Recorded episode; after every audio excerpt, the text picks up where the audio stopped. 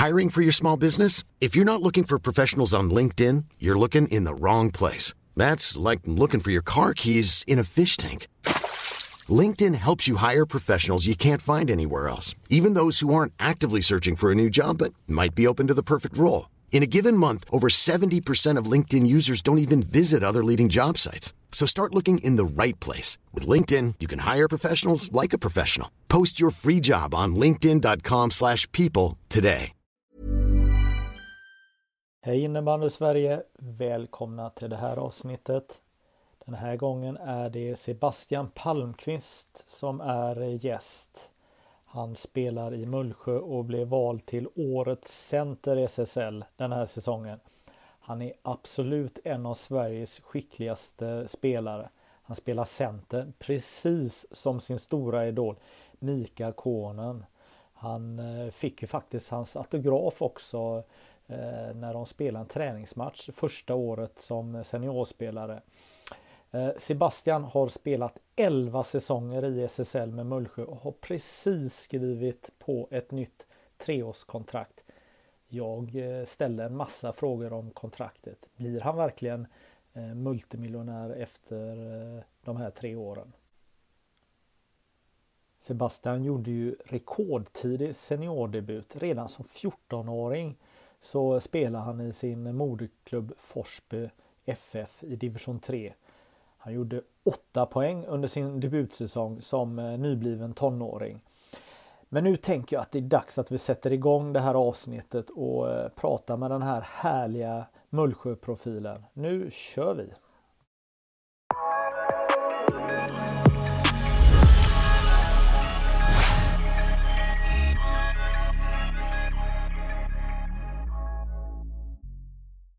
Då hälsar jag Sebastian Palmqvist välkommen till det här avsnittet. Tack så mycket. Hur är läget en dag som denna? Det är bara bra. Det är ju fredag. Så man kan väl inte må annat än bra idag. Ja, har du haft en bra vecka? Ja, men det tycker jag. Eh, AIK är serieledare i fotbollen. Så det mår man ju bra samtidigt som det har varit eh, första veckan nu på försäsongen vi kör gemensamt. Så ja, bra vecka helt klart. Ja, det här AIK fotboll, ja, de har ju faktiskt eh, vunnit här mot eh, Djurgården. Jag var ju faktiskt och såg den matchen live och sen så förlorade, eller så eh, vann de ju tyvärr mot IFK Göteborg och så nu då mot eh, Malmö FF. Det är ju ganska tunga segrar. Ja, det får man ju helt klart säga. Och det, att vinna mot Malmö brukar man ju inte vara bortskämd med om man är aik -are. Så det känns bra. Mm. Vad, när vi är ändå inne på det här spåret, vad kommer sig att du håller på AIK? Det är väl farsan egentligen. Eh, trots att båda mina bröder är djurgårdare så, så har jag följt hans fotspår och, och blivit gnagare helt enkelt. Det, jag är från Köping och det är ju en, en och en halv timme till Stockholm. Så vi var mycket på, på matchen när man var liten. Och, och just den här passionen som, det är liksom folk som tycker att ja, allsvenskan, det är, inget, det är inget kul att kolla på. Så där. Men just det här med, det finns någonting som, som bidrar. Det här med, man kan se ganska likt på det i Mullsjö också. Alltså det finns en klack och en passion oavsett om man är 10 år eller 70 år. Liksom, så finns det den där känslan av att spela inför en publik. och det det är väl därför man spelar egentligen och håller på. Och det är väl lite samma kan jag tänka mig att gå in på, på plan i, i en AIK-tröja. Att eh, just det där, både krav att liksom prestera max, men att man vet att det är så många som engagerar sig och bryr sig om vad, vad man sysslar med. Liksom. Så det är, väl, det är väl det skulle jag säga, att just passionen och så här, att det finns sånt engagemang i klubben. Och, ja, man, man tycker om AIK helt enkelt. Mm. Eh, nu är ju AIK tillbaka i SSL. Du har ju mött dem tidigare men hur, hur är det att spela mot AIK då? Vad, jobbar du inte lika hårt hemåt eller hur, hur gör du? Jo, det, det, skulle jag väl säga att jag gör. Men det när, man, när man hör HV-AIK liksom som en intro, introsång så man får, man får gåshud oavsett vad, liksom, hur många det är på läktaren. Så där, när man bara hör den så det är speciellt. Det, det är vackert. Varför tror du att eh, AIK väcker så mycket reaktioner då? Nej, men det är alltså klassiska AIK-hybrisen. Eh, dels, det är, man vill vara störst, bäst och vackrast. Kanske inte alltid har varit det, men det är liksom utåt tycker jag man, man agerar bra på många sätt samtidigt som så här, vinner man så det syns och hörs i sociala medier och oavsett vad det är liksom så det, det engagerar många som sagt. Det, det, är en klubb med ett enormt driv och som sagt just engagemanget, så passionen för klubben tror jag. Det är många som kanske stör sig på AIK som inte är aik men är man det själv så mår man ganska bra när det syns och hörs ganska mycket hela tiden. Mm. Jag tyckte du eh, beskrev det ganska bra, hybris. Alltså det kan ju både vara positivt och negativt. Ja, absolut. Och det, man brukar ju prata om det klassiska AIK-hybrisen. på något sätt så är det fint, men det är klart att det, det stör sig nog bland vissa andra klubbar. Mm. Ja, men eh, jag blev faktiskt lite träffad av din eh, förklaring här. Det är nog det man känner. Det är det som gör att eh, blodet pumpar lite mer när man... Ja, jag har inte sympatier för AIK i andra idrotter så innebandyn så är jag ganska neutral här men vad Mullsjö har väl kanske Sveriges galnaste publik eller?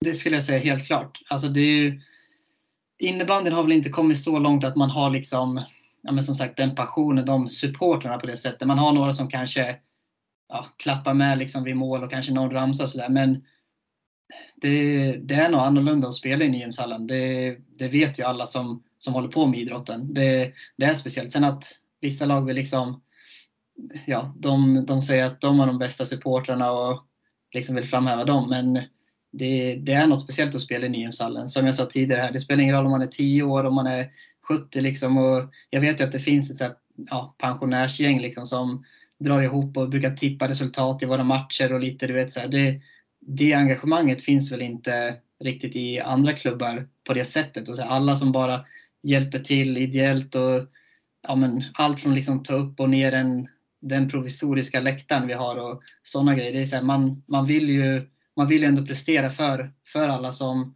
som lägger ner så mycket tid för en, för en själv. Liksom. Och Mullsjö är speciellt. Det är en liten, en liten håla som det finns inte så mycket mer än innebandyn. Och det är väl det som, som gör det så speciellt. Hur är det att eh, spela i eh, Mullsjö? Du har gjort 11 säsonger i SSL och har nu skrivit ett nytt kontrakt. Berätta. Ja, jag har ju inte spelat någon annanstans på seniornivå så det är svårt att, att liksom jämföra med någonting. Men samtidigt, man, man är ganska bortskämd med publiken och det har ju varit jobbigt år nu när det var pandemin att liksom inte ha publiken i Nyhemshallen. Det är, man är ju så bortskämd med det. Eh, och som, som jag sa, det är liksom det är något speciellt i Nyhemshallen. Det är en elektrisk stämning, speciellt i slutspel. Och nu har inte vi stått i Globen, vi har inte liksom stått där som vinnare och, och liksom få, få vara där. Men just det här att jag tror många gånger har de burit fram oss i, vi har ju vunnit alla Game 7 vi har haft hemma i kvartsfinaler och då är det de som har burit fram oss mestadels. Liksom. Och det, det betyder mer än de tror. Även hur mycket vi än pratar om att publiken är liksom avgörande så tror jag inte de förstår hur pass mycket det betyder för oss. Det har man verkligen märkt de här säsongerna nu med pandemin som sagt. Mm. Om du skulle förklara, vad är det, vad är det de hjälper? Alltså, vad, vad, eh, förutom att det är kul att, att man har stödet, vad, vad är det som gör, vad händer med er som, som lag när ni har det här trycket bakom er? Men jag, jag tror det är mycket det här att har man en trumma bara som man känner att pulsen liksom går upp automatiskt, man känner att man får ett helt annat driv och flow i, i tempo, liksom i rytmen, så blir det helt... Det är svårt liksom att man har sett många lag som kommer hit som kanske har bättre lag på pappret än vad vi har och som ska kanske, ja men stundtals tycker man att vi kanske inte, inte ska ha en chans, men liksom att de ska vara så pass mycket bättre. Men så, så blir det en helt annan grej här i Nyhem och liksom, det blir ett helt annat driv och tempo och man bara, man bara flyger med på något sätt som det är svårt att förklara. Men det, det, är liksom, det är någonting som byggs upp och då känns det som att det är en stress motståndarna måste hantera på ett annat sätt än vad man är van med innebandymässigt. Då. Och det är väl det vi har byggt mycket på när vi ett tag där spelade ganska hög press och liksom ville bara driva fram egentligen misstag av motståndarna. Så det, det är väl det egentligen, att man, man får någon någon helt annan rytm och tempo i, i allt. Liksom benen bara går av sig själv. Det, det är väl egentligen Kim Garnevik personifierat. Alltså att det, det finns liksom inget stopp egentligen. Mm. Var, du skrev på ett nytt treårskontrakt eh, nyligen eller? Ja, det stämmer. Eh, blev du ekonomiskt oberoende nu då efter den här signeringen eller? Nej, det, det, kan jag väl inte säga. Jag vet ju att det finns, om man bara kollar liksom eh, spelare som, utan att nämna några namn, som jag vet har valt andra klubbar före oss, så är väl det en anledning för att vissa klubbar bara liksom, ja men du får det dubbla här. Eh, så Mullsjö, rent ekonomiskt är väl inte därför man spelar innebandy, det är väl kanske inte i någon klubb. Men man vet ju att vissa lever på det och vissa har det väldigt gott och jag ska inte säga att jag har det dåligt, absolut inte. Men jag kommer inte springa runt och, och köpa massa, massa nya bilar varje månad eller liknande. Nej. Nej, men du är ju 28 och egentligen så borde ju det här kontraktet vara ditt, ditt bästa då, tänker jag, med 11 säsonger i bagaget och, och eh, klubben signerar för tre nya år. Ja, så är det. Och när man tänker på att jag ska väl, man brukar väl säga att man ska vara som bäst runt 29 ungefär. Eh, så det är väl nu jag ska vara som bäst också. Så om man ser så sett så är det väl med all rätt att man ska ha det bästa kontraktet nu också. Mm. Utan att eh, nämna någonting, men, eh, men om man ändå pratar, är det, är det någon detalj som, som du har eh, velat korrigera i eh, avtalet som, som, som du är nöjd med, alltså som, som är viktigt för dig? Inte, inte något speciellt så. Jag tycker att det har varit liksom, om man bara ser till, till kontraktet i helhet liksom, så är det ju, om man kollar hos andra klubbar så har man haft bättre betalt om man skulle liksom ha byte. Men det, jag, jag trivs bra i Mullsjö. Jag tycker att det är många som har ställt upp för mig liksom, i olika situationer och det, man känner bara att här, man vill stanna här också. Det liksom, största faktorn är att man vill vinna ett guld med Mullsjö. Det är inte, inte svårare än så egentligen. Då, då spelar det inte roll. Det är klart att man ändå vill ha så bra kontrakt som möjligt utöver det. Men det, det blev ganska enkelt val ändå att skriva på tre år liksom med, med Mullsjö igen. Mm. Eh, om man ställer samma fråga till en fotbollsspelare på allsvensk nivå så är det ju andra nivåer och man lever ju på det till 100 procent sin, sin idrott. Men hur fungerar det för dig? Alltså vad, vilka skyldigheter har du eh, som elitspelare när du skriver på ett Eh, kontrakt? Ja, men det är väl mest egentligen att hålla sig till både reglerna och ramar som vi har liksom i klubb och förening, liksom alla policy som är så. det är, det är mycket det här bara med att nu till exempel har vi Puma som ja, sponsorer. Det är inte så snyggt att bara gå runt liksom i något annat märke som, som är deras konkurrenter. Och det är väl mycket sånt. Liksom. Och man ska inte vara ute på, på krogen och härja i Mullsjökläder direkt. Det är, det är mycket sådana ja, enkla grejer egentligen. Ja men, ja, men det är ändå intressant. Vad är det mer som man eh, bör tänka på eller som klubben pratar med er elitspelare? Men det är väl egentligen, vi sätter ju liksom regler och ramar som sagt själva egentligen i gruppen och så bollar man igenom så vad man tycker är vettigt. Allt från liksom att man kommer för sent till en samling, om det ska vara olika böter eller vad det kan handla om. Och ska man ha en mobil som ringer på samling eller ska det liksom vara lite olika sådana grejer. Och det, är, det är allt sånt liksom till att man kommer när vi har match som sagt. Då, man ska ändå vara schysst mot sponsorerna och alla som, som sagt, som lägger ner tid och pengar och allt vad det kan innebära. Så handlar det om att vara, man ska visa respekt liksom för dem också. Och ha liksom de prylarna som vi får och allt vad det innebär. Mm. Men kan man ta semester när man vill? Nej, inte riktigt va. Det, det, är också en sån grej såklart att eh, sen finns det ju, alltså undantag såklart. Men det är så här, man, man skriver ändå sitt kontrakt så man har ju, ja vad är det, vi brukar väl ha ungefär en månad ledigt när man har eh, innan försäsongen börjar igen på nytt. Då. Eh, så det är väl liksom då man egentligen har tid och, och nu har det inte blivit så mycket resor till exempel då, under de här åren. Men det är väl då man har egentligen lite egen tid. Annars så är det ju, man ska infinna sig på träningar och liksom ja, alla matcher, allting. Och såklart, det är väl ingen som vill missa matcher liksom. Träningar kan ju vara li, lite värre för vissa under försäsongsperiod. Det finns ju vissa som inte tycker att det är lika kul att träna som, som en själv gör. Nej. Eh, men eh, du, eh, du eh, spelar ju inte innebandy på heltid utan du har ju ett ordinarie jobb också som utgår från Jönköping då eller? Det är Huskvarna. Huskvarna. Så det, och det, det sitter ju nästan ihop. Så mm. ja. Men där sitter jag nu då som innesäljare på Swedor heter det. Det är innedörrar som, som ja, det passar jättebra att kombinera med med innebandy. Nu började jag faktiskt precis runt slutspelet där, så det var ju också lite, lite stökigt att börja i en sån timing med när man skulle upp till Falun ja, någon, någon gång i veckan. Så, där. så det var väl inte den optimala timingen, men det funkar bra. En, en chef som, som ändå har kunnat liksom släppa iväg när man behöver. Och, ja, det funkar bra. Ja, hur tänkte du där? Att eh, ja, men det är lagom att börja på ett nytt jobb när slutspelet eh, är igång? Det var väl mer, jag har jobbat på ICA Maxi länge och tänkte liksom att ja, det får väl bli dags att göra någonting annat nu. Eh, där hade man mycket fritid och jag kunde liksom gå och träna innan vår egen träning om man ville och man kunde, var någon dag man var tröttare kunde man vila eller göra lite vad man ville så. Eh, men nu kände jag väl att jag är trots allt 28 också, nu vill jag göra någonting annat. Så, så då kom det här tillfället och då kände jag att då kan jag väl inte bara tacka nej oavsett vilken timing det är i, i innebandyn. Men eh, är det något som oroar dig nu framöver här hur du ska få ihop eh, pusslet? Nej, in, inga konstigheter alls faktiskt. Det, det går ganska bra, både, både flexa och man har en, som sagt en chef som, som är väldigt öppen med att man kan åka iväg lite ja, om det behövs liksom för innebandy. Så det är faktiskt inga konstigheter.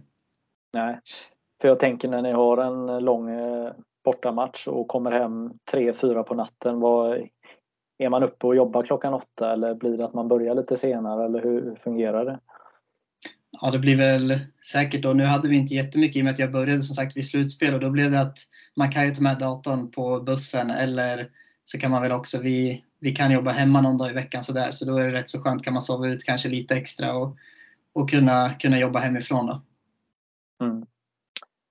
Men eh, där du befinner dig så är ju innebandyn en ganska stor eh, grej, eller? Ja, absolut. Och det, det är väl därför. Jag, jag var som sagt länge på ICA Maxi för att det var, det var bra för mig. Det funkade jättebra med innebandyn på alla sätt. Man slutade 12, 12 på, ja, vid lunch och hade hur mycket fritid som helst. Så då är det så här, där, där och då kände man att man nästan led, inte som ett proffs, absolut inte. Men det var liksom mycket fritid och nu när man har gått över till det här så är det liksom kanske mer jobbtid men fortfarande så funkar det jättebra med innebandyn och det, det är inga konstigheter alls. Nej. Eh, får ju gratulera dig då också till eh, utmärk utmärkelsen Årets eh, Center SSL. Det måste känts eh, kanon eller? Ja, stort tack. Det, det var väl inget jag hade räknat med egentligen. Jag, jag tycker väl kanske att vissa säsonger har man kanske presterat bättre innebandy över helhet. Eh, samtidigt som nu i år, det, det är som jag brukar säga att när man gör poäng så syns det. Liksom, innebandy har inte så mycket annan statistik man kan kolla på som i hockey eller fotboll eller någon annan sport.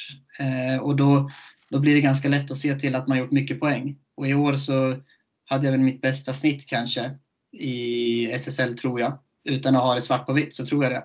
Eh, och då, då blir det väl ganska lätt också att, eh, att det kanske är lättare att synas i en sån utmärkelse. Och mm. det, det är någonting man kommer bära med sig i alla fall. Det är, det är historieböckerna så det är, det är någonting man är stolt över. Mm. Äh, men du eh, gjorde, vad gjorde du, 47 poäng eh, i serien och du har legat eh, ganska stabilt över 40 i, i väldigt många säsonger här. Ja, det kan nog stämma att det var 47 ja. Och det brukar väl kanske ligga en bit där under men runt 40 stämmer nog också ganska så bra ja. Mm. Och, det, och det är väl så här, nu, nu hade jag väl lite bättre utdelning till exempel i powerplay och det, det var ju en bidragande orsak såklart att man gör lite mer poäng. Och, ja, annars så, så har väl inte jag alltid varit en poängspelare ser jag själv utan jag tycker själv att jag är lite så allround och kan behärska de mesta delarna på banan mer än att bara egentligen göra poäng. Då. Mm. Eh, nej men precis, för du, eh, du beskrivs ju som en eh, spelare som gärna spelar fram andra. Eh, det låter ju som att du är en spelare som man verkligen skulle vilja spela med. Om man är en målskytt kanske. Eh, men eh, ja, så är det. Alltså det. Det handlar mycket om att mina lagkamrater tycker om att skjuta och göra mål också. Det, jag, jag är ju en spelare som sagt, jag, jag gillar att ha boll, jag gillar att eh, egentligen ha bollen så mycket det bara går. Eh, jag gillar att hitta kreativa lösningar och försöka liksom sätta upp någon i bra lägen och är väldigt bolltrygg. Eh, men det ska också klicka med någon som, som vill göra mål då. Och det tycker jag att det har gjort till exempel i år om man ser till Pelle Tarenius då tycker jag vi har synkat väldigt bra. Att, eh, han är lätt att spela men man ser, han har spelat hockey länge och han har så här, lite annan teknik egentligen än klassiska innebandyn. Och det är lätt att bara skicka en, en pass i knähöjd och han kan ändå suga ner den och så. Så det, det är väl också mycket därför att jag har gjort mer poäng i år. Liksom. Mm. Hur fungerar ett bra samarbete tänker du? Alltså, man behöver inte snacka så mycket eller är det blickar som, som räcker eller hur, hur tänker du? Ja, men det är väl lite både och. Alltså som du säger att eh, vissa gånger så behöver man inte säga någonting. Så jag och Pelle till exempel, om jag tar han igen då, så har vi spelat någon säsong nu tillsammans. Eh, och det är, så här, det är klart att kemi bildar man ju inte bara över kanske en halv eller en säsong, utan det tar ju lite tid. Eh, och jag tycker att, eh, att det börjar liksom komma mer och mer och man vet vart man har varandra. Man behöver som sagt inte alltid snacka, man behöver inte ens kolla upp vissa gånger, utan man vet att han står någonstans där borta. Då är det bara att försöka få över bollen.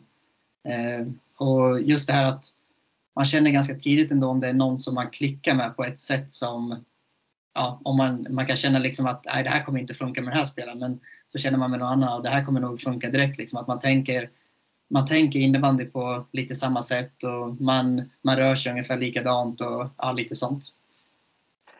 Jag tänker att man när man spelar den här positionen så är det skönt när, om man då levererar eh, bollar till någon som i vissa lägen kan göra en ännu bättre. Att man verkligen nyper till och sätter de här, att, att man känner det här att vad skönt, jag, när jag lägger iväg den här mackan, den är ganska medioker pass, men eh, han klappar in den, det är väl en ganska skön känsla när, när den kemin uppstår eller? Ja det är det absolut och som jag sa, jag tycker Alltså när man ser just till innebandy, jag vet inte hur man ska jämföra tekniken så, man ser att att liksom Pelle då, att han, han har något, liksom, något annorlunda där. Det är, det är mycket toe drag som man pratar i hockey och det är liksom någonting annat. Och det, det är när man bara står och, och skjuter, man ser att det är, så här, det är någon annan teknik. Och det, jag tror att säkert målvakten inte heller alltid är, är helt bekväma i, i hur han avslutar. och ja, hur som sagt, det, där kan man ju bara ta Janne Sau som vi spelade med också innan. Det är en sån gubbe också som man knappt ser att han skjuter och så ändå så sitter den ganska hårt i, i något av kryssen. Liksom. Det, det är sådana spelare, det behövde man inte heller många säsonger för att lära känna en sån gubbe. Det var ja, också en så här, man, man bara vet att han är där och han kommer i mål om han får ett läge. Det är bara se till att få dit bollen. Liksom. Mm. Ehm, jag hade ju förmån att en säsong spela med en kille som heter Anders Hellgård eh, innan han slog igenom eh, med Pixbo. Och det var ju fantastiskt när, när ehm, när, eh, när man levererade då, när han la iväg de här mackorna. Men eh, när det inte funkade, då fick man ju också eh, veta att man levde. hur, hur är du i den här situationen? Har du tålamod när du levererar dina mackor till, till andra? Att, nu, får du, nu får du sätta de här. Ja, men, oftast så blir det så också, om man vet själv kanske att man har gjort, oavsett om det skulle vara liksom att man har skapa någonting helt själv och sen passar, då, är det så här, då vet man ju oftast om att gubben som kanske har missat upp ett mål eller vad det är, så vet man så att okej, okay, han vet ju också om att han kanske skulle gjort mål där. Eh, så så tycker jag kanske inte att man att man liksom behöver, men sen tror jag säkert i stridens hetta så är man väl ändå en sån att man, man vill liksom, ja, oavsett vad man säger, alla vill väl göra poäng. Alltså det, det är nästan en, en självklarhet. Oavsett vad man säger att alla om man ska vara liksom ödmjuk så, men det tror jag liksom alla vill. Eh, men det är ju inte så att han kanske kommer bli bättre heller av att man gnäller på att någon inte gör mål när man vet att han vet själv att han ska göra mål där. Eh, så nej, jag, jag, tror inte, och som sagt jag tror säkert kanske att jag är sån ändå själv, att jag liksom säger åt någon som man kanske tycker skulle gjort mål fast man inte, inte ens menar det eller så, utan det bara, det bara blir stridens hetta liksom. Men det behöver inte alltid vara fel. Alltså ibland är det bra att sätta press på varandra, eller? Ja, absolut. absolut. Och det, det vet jag, det var som någon gång just om jag tar Pelle igen då, mot Pixbo så hade vi ett läge som jag tycker verkligen skulle passa mig. Och, för jag tyckte att jag hade upp ett mål och han gjorde inte det jag sköt själv och de vände och gjorde mål. Och det var så också, det fick han ju höra men det, man vet inte om det är rätt eller fel liksom. Men man hoppas ju att folket förstår ändå att man inte liksom menar något personligt. Att det är, ja, man, man vill bara lagets bästa och att man, när man har ett öppet mål så vill man ha bollen liksom. Mm. Ja, nej, men det är mycket psykologi i det här för att eh, låt oss säga att minuten efter att ni kommer i exakt samma läge och då kanske han ska skjuta. Eh, vad, vad, tror du han gör då? Kommer han lägga den till dig och du bränner? Alltså, eller eller vad, kommer han nypa in den och, och visa för dig att eh, fortsätt eh, lägg mackor till mig för jag kommer eh, sätta den eller hur tänker du? Nej, men det är väl det som är lite fint. Jag kommer ihåg några gånger där, just som du säger, att eh, man har haft de där diskussionerna att så här, ja, men vem ska passa vem eller var, varför skjuter han inte där när man tycker det? Så, så tjafsar man kanske på bänken. Så något, något specifikt fall kommer jag ihåg så här, att vi hade pratat om det och sen så gick han ut och gjorde mål sen efter och han var nästan mer arg än glad liksom för att det var just som du sa, liksom så här, ja nu gjorde jag mål så liksom behöver inte ta ordagrant vad, vad man säger till varandra då, men det, det är mer som du säger, att så här, nu, nu visar jag ändå vad jag, vad jag kunde. Liksom så. Mm. Ja, men du spelar ju center i SSL. Alltså vilka, vilka är jobbiga jäklar att möta då, eh, Superligan? Alltså jag tycker väl alltid att om man tar just centra som man möter mycket, eller liksom backarna, det är inte jättemycket forwards så, men det har ju alltid mina första år tyckte jag att de värsta var väl, ja men, säg de större spelarna, kanske en Jendrisak som inte gick, eller går väl knappt fortfarande att flytta på. Men en sån spelare samtidigt som jag tycker att det finns några som är lite, lite underskattade i det. Om man kollar till exempel Karlentun tycker jag i Falun är en, en sån spelare också som, som, är, som är väldigt duktig och har nog några fina år framför sig. Eh, men sen är det såklart alla som är med i ett, i ett landslag till exempel är ju otroligt duktiga liksom i, oavsett vad det är. Om det är liksom en en mot en situation eller läsa spel om man kommer två mot en eller om det är olika sådana delar. Så det finns väl såklart vissa som är jobbigare än andra men de flesta i ett landslag är ju så här, det är klart att det är svårt att möta dem. Mm. Eh, nu har jag lite dålig koll här men eh, du tar ganska mycket teckningar eller? Ja. Ja, det är ju naturligt som, som center. Eh, jag är lite nyfiken, hur, hur tycker du att, eh, att eh, de här duellerna är när, när ni ställs man mot man i teckningar.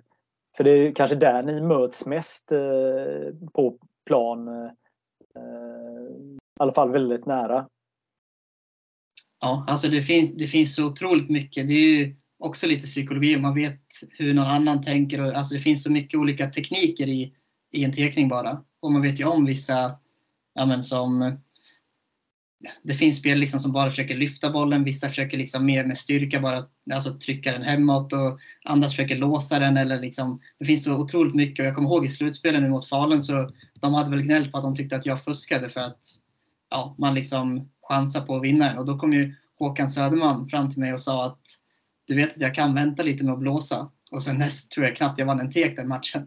För att man liksom då, då sätter det sig lite i huvudet att säga okej okay, nu kanske han inte kommer blåsa direkt. Och så blir det liksom, och så torskar jag säkert tre, fyra raka. Och det är en sån grej, så här, det är mycket psykologi och man ska veta liksom ungefär när har jag väntat länge med att sätta ner klubban så kommer domarna vilja blåsa direkt. Och då handlar det liksom om att bara vara så snabb som möjligt liksom när man sätter ner den. Och, ja, det, det finns mycket strategier där. Mm. Jag tänker också den här regeländringen som har kommit till eh, att det blir eh, frislag eh, ganska snabbt. Det måste ha påverkat ganska mycket den här man mot man situationen just med teckningar. Ja, framförallt att man inte riktigt kanske vågar chansa på samma sätt. Man, man får ju ett frislag emot sig, även om inte det är liksom i slottet så är det trots allt en bollförlust. Och jag tror ju absolut att det är fler som, utan att ha det svart på vitt, så tror jag att det är fler som inte vågar chansa på samma sätt kanske. Eh, men som sagt, det blir i alla fall inget farligt läge så. Men det är, man har ju förstått det ju äldre man blivit att eh, liksom en bollvinst bara på en tek sådär, det, det är ganska nyttigt. Speciellt i ett slutspel. Och det kan handla om oavsett vad, om det har varit att man släppt in ett mål precis eller gjort ett mål och det handlar om att kunna bara byta med boll liksom och spela av ett byte och sånt. Det är otroligt viktigt att vinna bollar då. Mm. Men jag tänker just den här regeln. Eh, eh, man vill ju få bort eh, att det tar tid och att, att man får göra om tekningar och sånt där. Men, men att förlora då en, en tekning genom att motståndaren får frislag då, det är ju det är ändå en ganska stor fördel att få bollen stilla på, på mittplan och kunna starta ett anfall. Så man vill väl inte ge motståndaren den möjligheten, tänker jag. Nej, så är det ju absolut. Som sagt, jag tror att det är därför det inte så många chanser liksom mer. Och då kanske det blir att man är lite fegare och så förlorar man teken istället. Eh, men jag har väl knappt, nu vet jag inte, det finns väl säkert några som har gjort något eller har någon variant på liksom eh, ett frislag från mittplan. Men det känns inte som att man ändå skapar så mycket mer än att man kan liksom börja anfalla om man säger, börja, börja ställa upp lite mer så och kunna, som sagt i ett slutspel kan det vara ganska avgörande. Och liksom bara kunna hålla i boll eller behöva gå för ett sista anfall. Alltså det kan ju vara mycket sådana saker men annars så tror jag, tror jag ändå inte att det har så stor påverkan. Nej.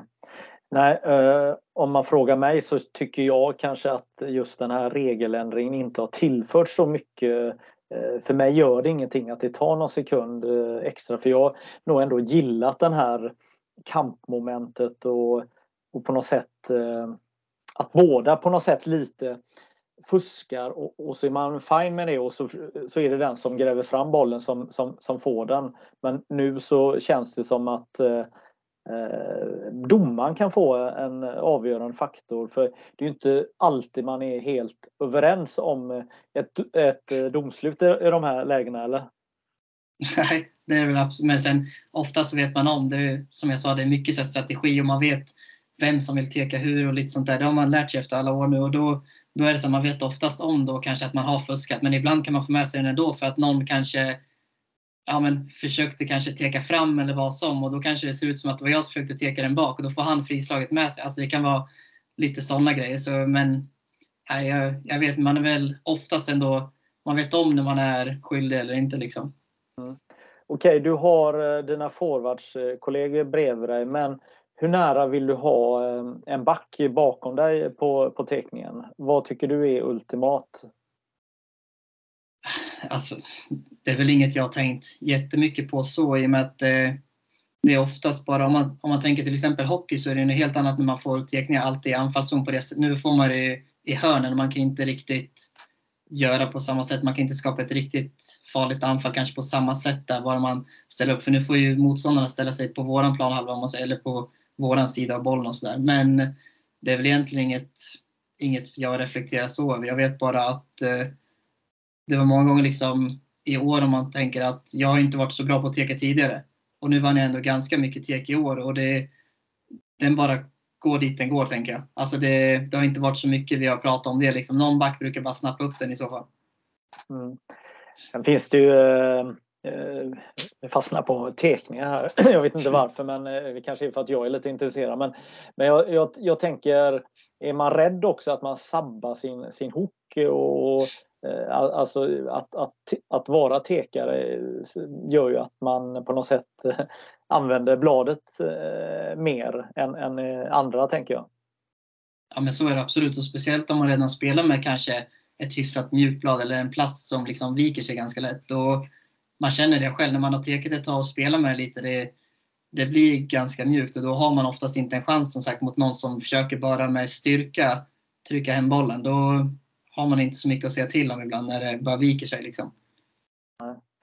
Hur länge spelar du med en klubba i snitt? Eller vad byter jag, du om, om du... Ja. Jag byter grepplinda ganska ofta. Om man säger som i ett slutspel byter jag nog nästan till varje match tror jag. Eh, I grundserie om man ser, jag kanske byter ungefär varannan vecka. Eh, jag svettas rätt mycket om händerna så det brukar bli att jag måste liksom kunna hålla i klubban. Eh, men så det blir väl ungefär säg i alla fall tre, fyra matcher så byter jag. Eh, men sen annars så blad blir väl någon gång kanske varannan månad eller något sånt. Sen byter jag inte. Klubborna går ju aldrig, jag skjuter inte så mycket heller eller, eller liksom har av dem på, på grund av något sånt. Det är väl om det liksom blir avslagen eller att man slår själv så. Men annars så har jag nästan samma, samma skaft liksom under ja, nästan en hel säsong. Mm. Vem är det som hookar din klubba? Då? Det är jag själv. Men det brukar oftast bli att man försöker hooka ner lite för det är rätt mycket, om man ser originalhooken brukar vara för de som gillar att skjuta mycket och det är väl inte jag känd för kanske riktigt. Så det brukar bli att man försöker hooka ner den lite istället. Men på senare år så har jag ändå spelat med lite mer hook och det, det trivs jag ändå med att spela med hyfsat. Eh, var, var någonstans får du till dina klubbor bäst? Är det hemma eller är det eh, i omklädningsrummet eller ja, runt där?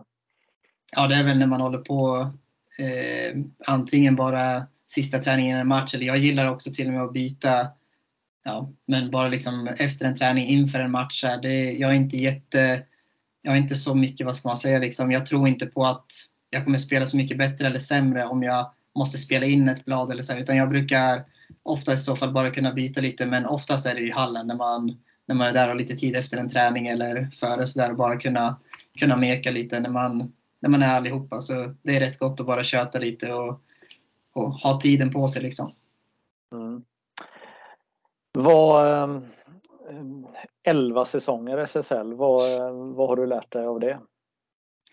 Oj, det finns mycket. Jag, jag, jag vet ju att eh, mina första år när man kom upp så spelade jag mycket med, det var ju Kasper Hedlund och eh, ja, Jesper Sankell var väl med där och så var det ju David Gillek och eh, jag har sagt det någon gång för att jag, den som jag liksom har lärt mig mest innebandy av det är givetvis Kasper Hedlund. Vi tänkte otroligt likt på en innebandyplan.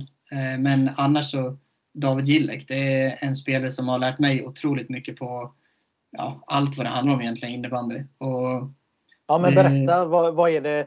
Jag menar, han eh, som spelare var han en otroligt färgstark eh, eh, spelare som stack ut och, ja, och var otroligt skicklig. Ja, och han, han, har ju fått mycket skit i media, men det är en sån gubbe som man alltid har älskat och haft och liksom som en kapten. Det är klart att ibland kan det slinka ur ett och annat ord som kanske inte är menat, men i stridens hetta så blir det så. Det är så här, jag köper det till 100 procent. Jag, jag har alltid varit på hans sida. så. Och det är just så här, de här grejerna att första åren fick jag mycket skit oavsett om inte jag ens var nära bollen och någon tappade den så var det jag som fick skit. Så man fick lära sig liksom den vägen att ja, det, oavsett vad det var så var det de yngre som fick lite, lite skit. Men sen han, han har ju lärt mig otroligt mycket bara på liksom allt egentligen med innebar hur det ska spelas, hur man ska bygga upp liksom anfall, hur, hur man kanske tacklar en vinst, hur man tacklar en förlust, hur, hur man liksom ska gå in till en match. Och han har alltid varit proffsig liksom i sitt sätt och det är väl det som gjort att jag själv också gillar och jag har alltid gillat att träna ändå. liksom, när man tävlar så tävlar man. Eh, inte mm. liksom något något no skoj. Så han var alltid liksom också en sån som hatade att förlora på alla sätt. Och jag har bara lärt mig väldigt mycket av han på alla delar liksom på träning och så här, Även om inte vi var lika spelet så, så klickade vi väldigt bra för att vi, vi kanske var så pass olika egentligen i sättet men att vi båda älskar att tävla. Liksom. Mm. Men hur, hur, kunde det uttrycka sig det här med att hata och förlora? Så, eh, kunde exempelvis han då vara helt patetisk då när han förlorade och, och munnen gick ett? Eller vad, vad handlar det om? Och även för ja, men, din del? Ja, men det var ju alltid så. Men vi spelade ju väldigt mycket tillsammans. Eh, så det blev liksom att vi, vi snackade väl inte skit liksom med varandra så. Eh, så det blev ju mer att man ville alltid liksom alltid vinna på träning eller ja, på match. Liksom. Men på träningar så blev det man möter ju ofta samma formationer dag in och dag ut. Och då blir det att man, man, man, liksom, man vill vinna. Man vill visa att eh, till exempel att vi, vi ska vara en första femma. Så här, det var viktigt vet jag för Gillek att vara liksom, på line-upen. Det, det, är en sån grej som säger okej, okay, det visar att man är första femma. Bara en sån grej. Då ska man också visa det på träning och match att vi, vi ska liksom prestera, vi ska ut och vinna. Det spelar ingen roll liksom vad det är för dag eller vad som händer och då handlar det bara om att göra mål. Alltså bollen ska liksom in och, och just det här med att eh, som sagt sådana grejer som jag sa är viktiga i ett slutspel, typ att byta med boll, vara stark på boll, kunna vinna frislag, bara att kunna liksom andas på bollen som man brukar prata mycket om i fotboll också, ha en, ha en nummer nio liksom som bara kan suga ner lite bollar och låta laget flytta upp och andas. Sådana grejer liksom. Och, ja, just inställningen och professionalismen tycker jag man har lärt mycket av David. Mm. Jag tänker på det här du sa också att uh, kunna ta en förlust och kunna ta en seger. Vad, vad är det för detaljer du menar då att, att man uh, jobbar med? Nej, men det är väl mer just att så här, om man säger att eh, vi är en vinst, det är klart att ibland så är det väl inte så jävla snyggt att vara en dålig vinnare på, på så sätt, men man ska ändå har man vunnit så tycker jag att det är också, det är väl lite det här med AIK till exempel, hybrisen, och man ska liksom, man ska vara stolt över att man har bara vunnit en match liksom. Det, det behöver kanske inte vara fult att man går och hånar någon så, men det ska ändå liksom, man kan gärna visa det. Eh, och vid en förlust samma grej, så att ja, vi står ändå liksom, vi står upp för varandra och man, man spelar, vi är, vi är liksom ett lag, men att så här, har man förlorat också utåt kanske vi inte behöver visa något för vi har liksom förlorat, men just i omklädningsrummet och det behöver man väl inte säga vad som sägs och vad som liksom görs där. Men så här, man ska ändå visa att det betyder någonting. Vi lägger ner så otroligt många timmar på, på det man gör och som sagt, vi har inte stått i Globen än liksom. Och det är, det är därför man spelar. Jag vill ju fortfarande vinna guld. Det är inget snack om den saken. Det är därför man håller på. Och då är det ändå så här, det ska, det ska liksom visa att det betyder någonting. Att vi lägger ner alla de här timmarna. Annars hade man kunnat hålla på med schack eller vad fan som. Liksom. Mm. Eh, hur är det att spela ett, ett slutspel, alltså bäst av sju? Eh, Eh, det är ju sju matcher men man möter ju samma lag i sju matcher och, och det kan ju vara ja, egentligen två, tre matcher, eller ja, tre matcher i veckan då. Eh, det är ju väldigt intensivt att man, man spelar en match och sen så är det match dagen efter eller två dagar efter eh, på bortaplan och sen hur är det att spela de här matcherna? Alltså det, hur tar man sig igenom ett, ett slutspel? ja, men det, är, alltså, det är som alla säger, det är egentligen en annan sport. Alltså det blir en idrott på en helt annan nivå. Det är, som sagt, det är då, då tävlar man väl egentligen på riktigt så när det blir slutspel och det är som sagt man möter precis det vi var inne på innan, man möter precis samma tekare i kanske sju matcher om det vill sig så väl. Eh, det är liksom byte efter byte och man vet att ja, det laget kanske vill matcha mot den formationen och det, det är så mycket liksom som som spelar in och det är varenda litet bolltapp som vi var inne på det här med att man ska vara stark på boll, vinna boll, att man kan byta med boll och liksom bara det är så mycket som, som spelar roll då i ett slutspel. Och tyvärr har väl inte vi varit bäst på det i Mullsjö i och med att som sagt vi har inte vunnit någonting men det, jag tror att eh, Mullsjö, jag hoppas att vi inom en snar framtid kommer, kommer vara där och då som jag var inne på i början av det här att publiken är ju verkligen någonting som vi, alltså i slutspel så blir det liksom, har vi kanske 800-900 i snitt i grundserien så blir det istället 1 och 3 kanske i ett snitt eller någonting om inte ännu mer. Och det är ju så här, för oss, det, det, finns inget bättre. Eller för, jag kan ju tala för mig själv bara, men det finns inget roligare än att spela. Och oftast när man åker, till exempel som nu då, till ett Falun, så det är, jag brukar säga det, visst det är det tuffaste laget nu när man ser i år när de vinner, men det är också det kräver mycket av oss. Det tar liksom ur oss maxprestationer måste det göra ifall vi ska ha en chans. Och det, det, är alltid roligt att spela då. Nu gick det inte vägen för oss nu heller, men det är liksom det är alltid roligt att möta dem för man, man känner att här, vi måste prestera på en otrolig nivå för att ha en chans. Och mm. Det tycker jag är, det är också någonting som ändå som är jävligt skoj med att tävla. Liksom, att man måste prestera på max för att ja, kunna vinna matcher i slutspel. Mm. Ja, nu är det ju en, en dryg en månad sedan eh, som eran säsong eh, tog slut. Nu går det att titta tillbaka på säsongen nu och reflektera någonting. Vad, hur den var. Kunde ni gjort det på något annat sätt eller, eller vad, vad tänker du? Ja, men vi hade ju en otroligt strulig alltså, säsong förra säsongen då när det var ja, men vi hade skador på på några spelare och det blev liksom hjärteproblem och det var Sankell som gick till Växjö och det var, ja, det var mycket, mycket problem där. Så jag kommer ihåg när vi mötte Falun hemma så var vi väl 11 stycken tror jag, utespelare. Och så fick väl till och med Andreas Lindholm kliva av där då, för det var då han fick problem med hjärtat och då var vi helt plötsligt två formationer bara. Eh, och de hade väl nästan mer landslagsspelare där och då än vad vi hade spelare i truppen. Eh, så då kände man liksom att ska det här gå så vi måste få in folk. Liksom. Vi måste börja... Ehm, förrförra säsongen, alltså inte den säsongen som tog slut, men året innan, det var väl ganska kämpigt på det sättet som ni eh, åkte ur, eller? Ja, det får man ju säga. Eh, det är nästan som att, det där kommer man väl aldrig glömma, men det känns väldigt långt bort just nu i och med att man, man vill ju vinna i år och det gjorde vi inte heller. Så det, det är väl det som ligger närmast på näthinnan. Men det där är ju ett slut som oavsett vad, liksom Storvreta stod där som, som seger i Nyhemshallen mot oss och det var väl väl, välförtjänt till slutändan. Alltså, men just slutet som blev var ju Er, ni, ni, som inte kommer ihåg här då, det var ju det att eh, det blev väl en utvisning för fördröjande av spelet och eh, Eh, när man tittar på eh, reprisbilderna så är det ju eh, en gigantisk märklig tolkning av, av den regeln och situationen som, som matchen befann sig i, eller hur? Ja, och det var ju i sadden.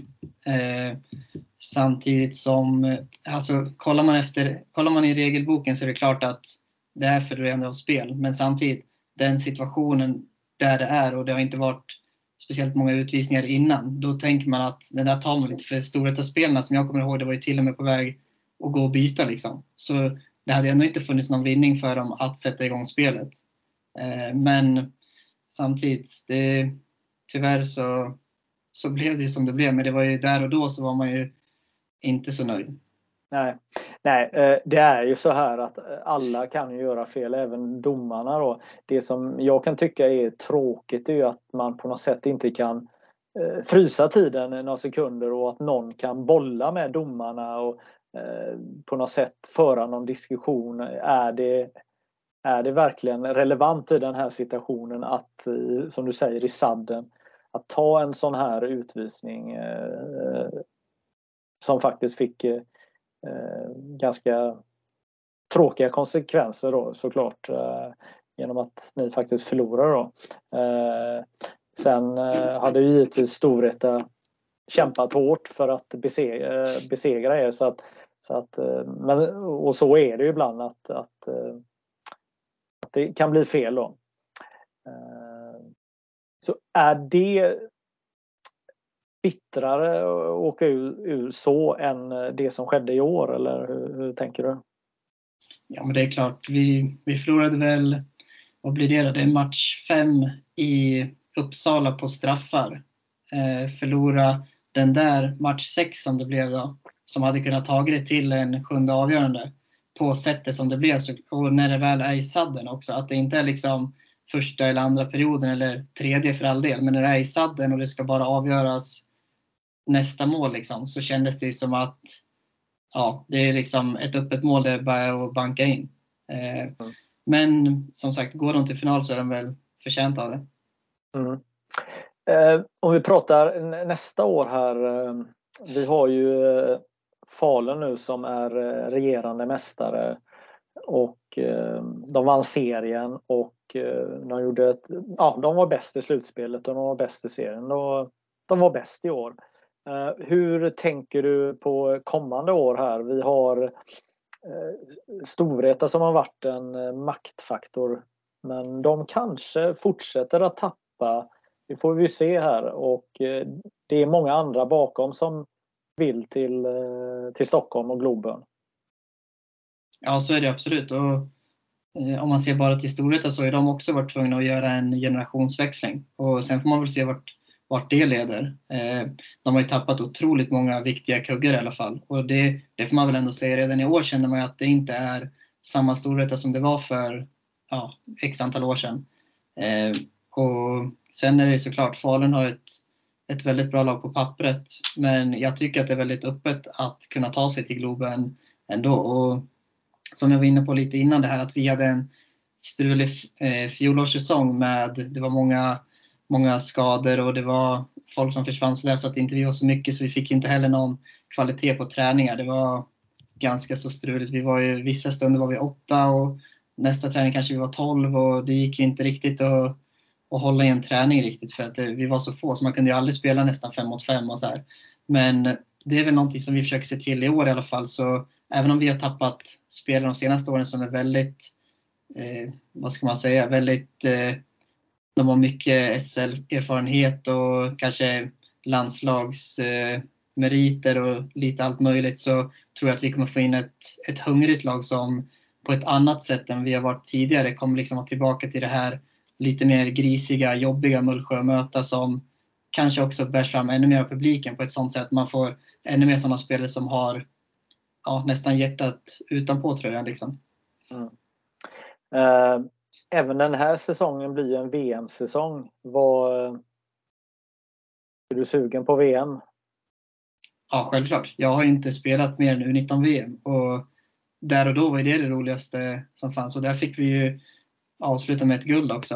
Eh, men annars har inte jag spelat något på seniornivå. Så självklart, det har ju alltid varit ett mål och jag får väl se till att prestera så att de inte kan undvika att ta ut mig. Nej. Men det är, eh, hur, hur tänker man när man är eh, man är inte där men man är ändå eh, ganska nära. Eh, hur, hur, hur tänker man mentalt kring det? Egentligen inte jättemycket på själva landslaget så, utan det är så här, presterar jag bra i mitt klubblag i Mullsjö och är där och krigar på hela tiden och gör mitt bästa där så troligtvis så kommer man liksom komma upp till en nivå och nu finns det ju, om man bara skulle se det så, så finns det landslagsspelare som kanske på min position är före mig med att de spelade VM förra gången. Då handlar det för mig om att, att prestera bättre och kanske träna inte bara mer, men liksom bli ännu bättre på det jag gör. Hur, eh, hur ser sommaren ut här nu eh, för dig och laget? Hur, hur tränar ni i Mullsjö? Det blir mycket. Nu är det min sambo som är fystränare också. Så det är ju lite, lite speciellt. Det är första året som hon är med och kör. Eh, men eh, det kommer nog bli jobbigt. Det, det, hon är ju personlig tränare. Så vi har väl lagt upp att vi har några veckor som är lite, lite lugnare, några som är ganska så tunga. Och det blir mycket, mycket crossfit och det blir eh, ja, innebandy en gång i veckan är det väl. Eh, vi har ju ledigt vecka, ja, vad är det, tre veckor, 28, 29, 30 tror jag det är. Eh, men annars så gnuggar vi på ungefär fem pass tror jag och ett eget i veckan. Vad, vilka muskelgrupper kommer du fokusera extra mycket på den här sommaren? Nej, men det är väl egentligen allra flesta. Det är väl inte så mycket biceps och, och sånt man jobbar men det blir ju mycket. Alltså det, är, det är jätteviktigt både med bålen, det är liksom benen, det är såklart alltså allting. Jag, jag gillar som sagt att träna så jag kör gärna när vi inte har träning med laget så gillar jag också att köra och då kanske man får gå och köra lite mer liksom överkropp och lite mer disco som man brukar säga. Eh, men ja. annars så, det, det, handlar liksom om att vara bra förberedd och kanske inte bara, bara köra ben eller bara köra överkropp utan det handlar om att hitta en bra balans. Mm. Vad, eh, vi har inte pratat om eh, hur började, eh, hur började du med, varför började du med innebandy? Hur, hur kom det sig? Ja, det var ju min storbror som spelade och då var ju farsan tränare där så blev det ju, jag tror att det är många som börjar på, på sånt sätt. Att man liksom följer med storebrorsan eller, eller no, något äldre syskon i alla fall eller farsan som är tränare eller något sånt där. Och så var det för mig också. Det var väl när man var fem eller något sånt som, som jag började spela och ja, det var, det var en sån grej som bara så innebandy är så pass roligt att man, man vill aldrig sluta i princip. Hur mycket yngre är du än brorsan då? Han är två år äldre. Så då är han runt sju då. Mm, ja, perfekt. Precis. Ja. Så du spelade i hans lag då under ett par år eller? Jag var väl mest egentligen med bara så och jag har inget minne av att jag spelade matcher så. Det var mer så att man spelade med han och hans kompisar alltid ute på gatan eller liksom om man spelade fotboll och allt möjligt. Så det var väl det, var väl det man, man gjorde liksom första åren där. Mm. Ja, men jag googlade här. Eh, stämmer det att du debuterade som 14-åring redan i, i Forsby i moderklubb? Ja, exakt. Och det var väl division 2 eller 3 eller ja. något sånt där hemma i Köping. Precis. 4 plus 4 gjorde du den säsongen. 08, 09. Det är ju det är ganska häftigt att eh, få spela med de gamla gubbarna redan som eh, nybliven tonåring. Ja, men det var, och det var, jag kommer ihåg den första gången var ju liksom så att vi satt hemma och, och fika hos min morbror och så var det helt plötsligt skulle jag följa med till en match och då, då var det så här, man hade ju inte en aning. De, de var ju, där och då tyckte man att de var liksom så pass mycket äldre och större. Man hade inte en aning om hur man skulle bete sig eller vad man skulle göra. Och så här. Men det var ju alltid kul liksom bara att få chansen och, och vara där. Och de gubbarna är ju några som har fortsatt än idag inte har kontakten dagligen, absolut inte, men som man liksom har lite kontakt med och som man ser som, som tycker att det är kul att man ändå spelar SSL och så. Mm. Eh, du, har ju, du spelar ju också med nummer 23 och du har ju lite Eh, roliga stories kring dina eh, nummer på, eh, på ryggen och även bröstet. Då. Kan du berätta varför har du nummer 23? Ja, det var ju det började med att jag, jag hade nummer 72 som var efter, ja, vi skulle väl bestämma något nummer där, det var i skolan liksom, så då blev det i alla fall 72. Det kommer jag inte riktigt ihåg var det kommer ifrån, men det spelade jag med mina första år. Eh, och sen så blev det ju nummer två som jag bytte till. Eh, och det var ju för att favoritbasketspelaren eh, Kyrie Irving spelade med nummer två. Men lagom att jag hade bytt till det så bytte han lag och bytte även nummer då. Så då var det så här, nej, då måste jag också byta. Och då blev det säsongen efter det så blev det 23 för LeBron James. Och det har det stannat vid. Jag tycker att det, liksom tvåan satt inte så snyggt heller med att ha ett så långt efternamn men en liten fjuttig siffra var inte så snyggt. Så det fick ju bli nummer 23 som sitter lite snyggare tycker jag. Det ser bättre ut. Ja, och två är väl som om man spelar framåt, det är väl inget eh, nummer som man ska ha eller? Det får du fråga Johan Samuelsson om. Men eh, nej, jag, jag kan väl hålla med. Ja, ja just det. Jo, men det stämmer. Ja, jag hade nog nummer två i handboll när jag spelade. För det var, vad hette han? Bo Bobban Andersson eh, tyckte jag. Ja, du vet ju inte vem det är, men eh, det var någon cool handbollskille. Så, så då ska man ha nummer två i handboll. Men nej, men det eh, det, det, är ju, det är ju härligt att man har en story varför man har ett, visst nummer. Och ibland är det slumpen och ibland då som här då att du har kunnat välja. Det är ju skönt att, att numren inte har varit upptagna. Mm. Ja. Vad, vad händer annars då i, i sommar för dig? Har du några storslagna planer? Nej, inte, inte mycket alls så faktiskt. Vi, vi brukar alltid åka hem till, till Köping, både jag och sambon är från, från lilla Köping. Då. Eh, mm. och där brukar det vara mycket bara komma hem och träffa, träffa familjen, mina två bröder, mamma och pappa och ja, hela släkten sådär. Och det brukar alltid vara skönt att bara kunna ladda batterierna och när man tränar lite hemma på, på sommaren sådär själv och, och vara, ja, men bara hänga liksom i, i stugan och, och bada och ha det gott. Mm. Ja, vet du dina föräldrar är, duktiga på att eh, följa det också. De, sitter de på alla hemmamatcher eller hur, hur ser det ut? Ja, de missar ju knappt någon. Det skulle vara något, något om de båda kanske jobbar något, eller är iväg på någonting. Men annars så missar de inte många matcher och de, de har ju vad är det, 27 mil tror jag, enkel resa till, till Nyhem. Så det blir lite bilande.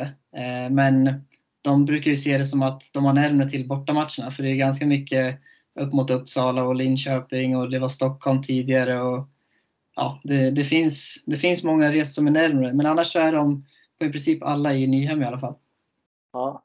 Ja, men vad härligt att höra det. Eh, själv som förälder så tänker man in i den här banan 27 mil. Alltså, det, det är ju ganska mycket rutiner. Vad, vad gör de?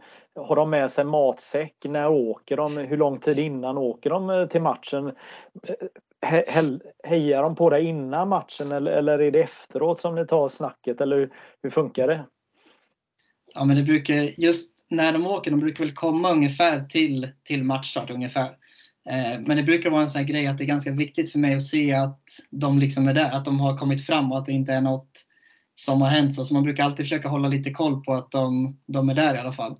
Eh, men eh, annars så blir det alltid snack efter. Man, man har inte riktigt tiden för det brukar vara att de, de kommer liksom till match. Om det inte är någon lördag eller söndag då, så kan de komma innan så käkar vi lite och, och hinner i alla fall prata lite grann och ses sådär. Men annars så blir det mestadels lite lite efter matcherna så ska de hem igen. Okej. Okay. Men det är inte så att eh, exempelvis din farsa måste ner och, och ge dig lite taktiksnack eller något sånt där? Tänk på det här eller in, innan? Nej. Nej, det, det, skulle nog vara morsan i så fall. Det, ibland känns det som att hon, hon tror att hon skulle kunna vara på plan eller i alla fall i båset. Men det är nog inte så mycket att lyssna på alla gånger. Nej, men vad är det hon säger då? nej, det behöver vi inte ta här. men det, nej, men hon, hon har mycket synpunkter. Hon, hon, eh, hon, är, ju, hon är från Finland, så det är finska season. Och hon, hon, hon kör lite, lite sitt, sitt race. Och hon, hon är inte blyg med att säga vad hon tycker i alla fall. Nej. Men eh, vad är det hon reagerar på då? Är det vad du gör eller vad, vad andra gör? Eller vad... Ja, det kan vara lite allt möjligt, men ofta så känns det väl som att de är kanske mer på min sida än vad jag själv är. Att jag liksom, tycker jag att jag har gjort en lite sämre prestation så är, är de de första att säga att de tycker att jag var, var bra. Liksom. Och, eh, ja, där, ja, jag vet, det, det är mycket. Liksom, de kan ha synpunkter på allt från domare till liksom, hur målen ser ut eller att eh, ja, det var någon situation som de tycker var helt fel och att mål, men de, de ser otroligt mycket idrott också. De sitter och kollar på, på i princip allt och följer mina andra två bröder, de idrottar och så här. Så det, det är jättekul att ha dem och känna den tryggheten bara att de alltid är på plats och har följt den i alla år. Så nej, det, det är väldigt skoj. Mm. Ja, men du har ju också eh, spelat nu x antal år och att de fortfarande har samma driv. Det måste ju vara helt underbart egentligen att, eh, att ha den tryggheten. För jag tänker du, du skulle kunna klara dig utan dina föräldrar nu, att de behöver vara på plats, eller? Ja, absolut. Det var ju kanske mer än första året när man börjar med idrotterna som man tycker att det är skönt att ha med pappa liksom på, på idrotten. Men sen är det just den här grejen att veta att de, liksom, de är där för, för ens skull. Det, det betyder mycket och det, det är också svårt att, att bara förklara så eller liksom för dem att ta in Men de tycker ju att det är så pass kul och tydligen så är det värt att åka i några timmar för att se, se innebandy på plats. Och det är väl så också, det är väl, egentligen skulle man väl ta det fall liksom att innebandy upplevs ju bäst live. Alltså det, det är inget snack om den saken och då, då är det roligare än att se liksom, sitta framför datorn. Så det är väl också en anledning. Mm.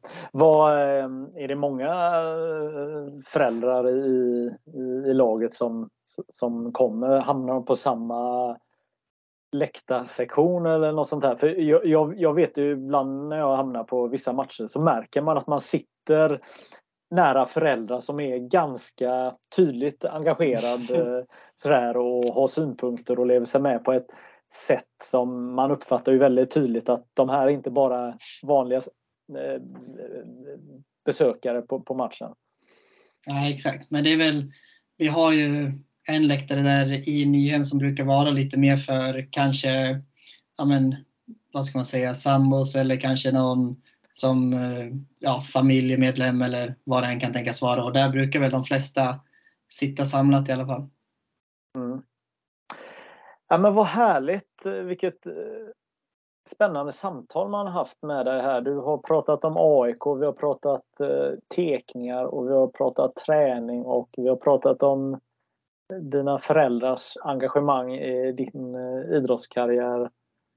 Ja, det, det, har varit jättekul att eh, prata med dig. Vad, hur tänker du själv att det gick?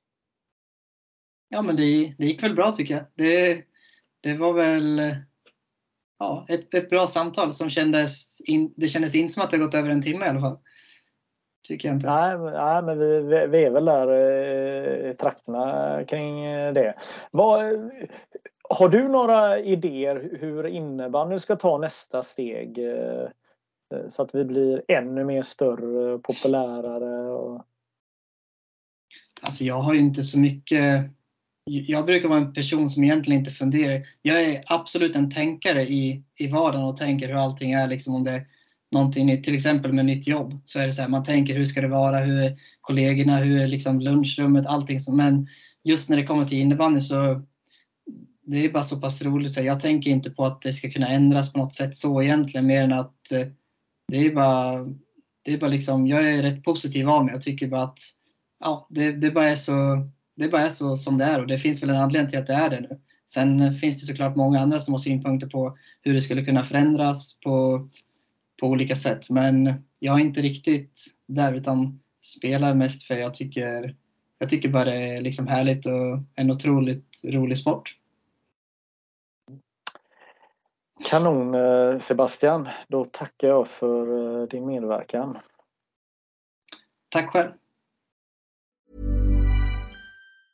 Hi, I'm Daniel, founder of Pretty Litter. Did you know cats tend to hide symptoms of sickness and pain? I learned this the hard way after losing my cat, Gingy. So I created Pretty Litter, a health monitoring litter that helps detect early signs of illness by changing colors, saving you money and potentially your cat's life. Pretty Litter is veterinarian developed, and it's the easiest way to keep tabs on your fur baby's health right at home. Go to prettylitter.com and use code ACAST for 20% off your first order and a free cat toy. Terms and conditions apply. See site for details.